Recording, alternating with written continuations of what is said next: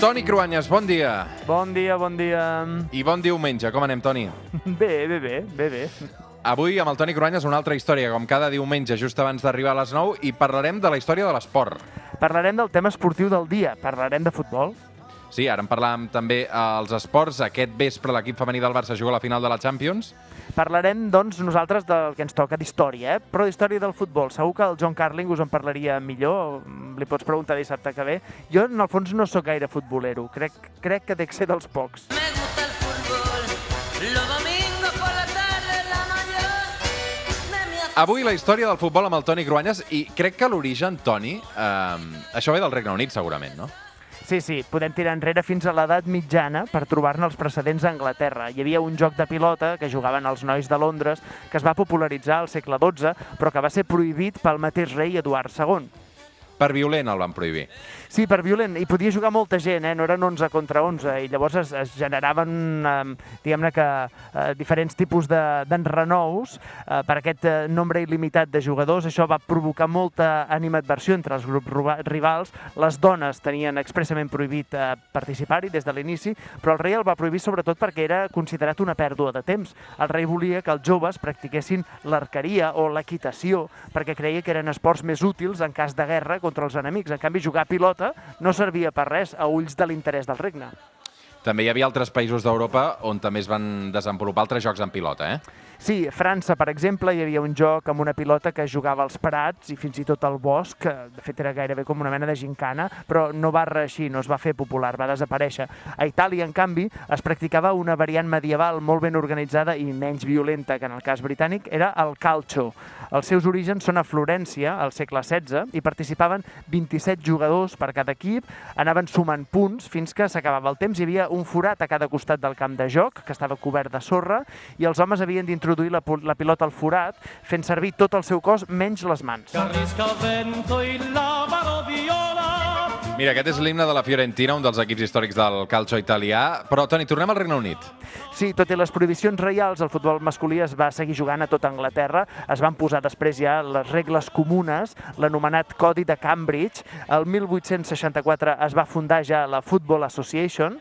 La popularitat del futbol dins del Regne Unit està lligat després ja als equips que es feien entre els treballadors de les fàbriques. És a dir, que el futbol actual és també fill de la revolució industrial feta pels britànics.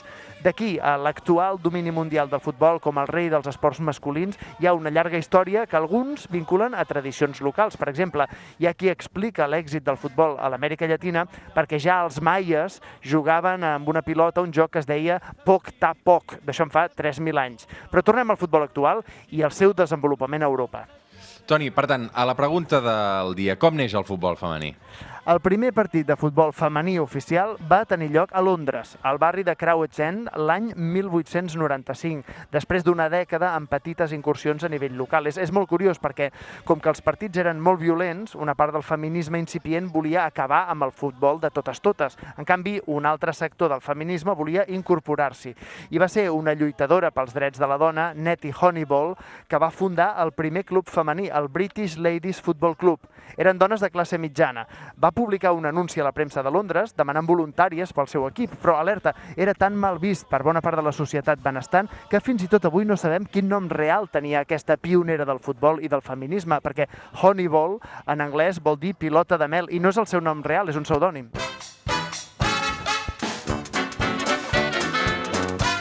Uns anys d'alliberament de les dones, però encara amb molt de secretisme, eh? La Primera Guerra Mundial va ser clau per l'extensió del futbol entre les dones. Molts homes van ser reclutats per l'exèrcit britànic, les dones van començar a anar massivament a les fàbriques, els equips de futbol de les fàbriques es van feminitzar i va convertir-se en un esport molt popular, també entre el públic, però l'associació de futbol les va boicotejar. No volien que, literalment, deien, embrutessin el joc dels homes. De fet, era molt comú el menyspreu del futbol femení. Mira, l'any 1914 es va fundar el primer club femení a Catalunya, que també era el primer d'Espanya. Es deia Spanish Girl. El van crear dues noies barcelonines amb l'ajuda d'un jugador britànic del Barça de l'època, Jack Greenwell. Doncs la crònica de la premsa del moment va publicar això, agafa't, eh? Diu, Esta primera actuación de la mujer en el viril fútbol no nos satisface, no solo por su poco aspecto deportivo, sino que también porque la descendientes de la madre Eva les obliga a adoptar tan poco adecuadas como antiestéticas posiciones que eliminan la gracia femenina. Déu-n'hi-do amb el masclisme. Doncs sí, però malgrat tot, les futbolistes de l'Spanish Girl van continuar jugant fins a la guerra. Després, ja durant el franquisme, el futbol femení es va convertir en gairebé clandestí. Ni parlar-ne de jugar en públic ni en competicions oficials. En tot cas, en algun pati d'alguna escola, però la feminitat que s'ensenyava a les escoles franquistes no passava en cap cas pel futbol. No va ser fins als 60 que el futbol femení va ressorgir, però encara sense aquestes competicions organitzades. En part va ser gràcies als grups escoltes, als caus parroquials, infantils. D'aquesta manera el futbol es va extendre a les noies. I curiosament, el primer equip també es va formar a partir d'un anunci al diari publicat per Immaculada Cabeceran, que va aconseguir ajuntar noies per fer un equip dins del Futbol Club Barcelona que va jugar un primer partit benèfic contra la Unió Esportiva Centelles. Això va ser al Camp Nou el desembre de 1970. L'any següent ja es va disputar el primer campionat de Catalunya amb 14 equips. Malgrat tot, continuaven criticant-les des de la premsa els principals comentaristes esportius. Estamos hartas de escuchar que ni es fútbol ni es femenino. Que los referentes siempre son ellos, los ídolos, los mitos, nunca nosotras. ¿Pensáis que nosotras no tenemos el mismo talento? ¿Qué? ¿Solo por ser mujeres somos inferiores? Aquest és un anunci del Dia de la Dona, Toni, repetint una de les frases que més eh, s'ha fet servir per denostar el futbol femení.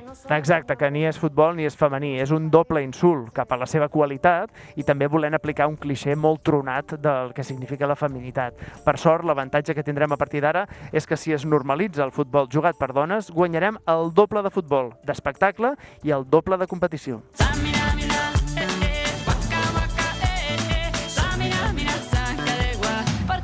África.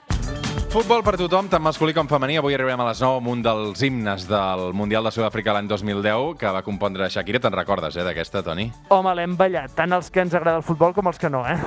Molt bé. Uh, Toni Cruanyes, un plaer, bon diumenge. Bon diumenge. Fins les 9 amb Shakira, fins ara. Porque esto es África.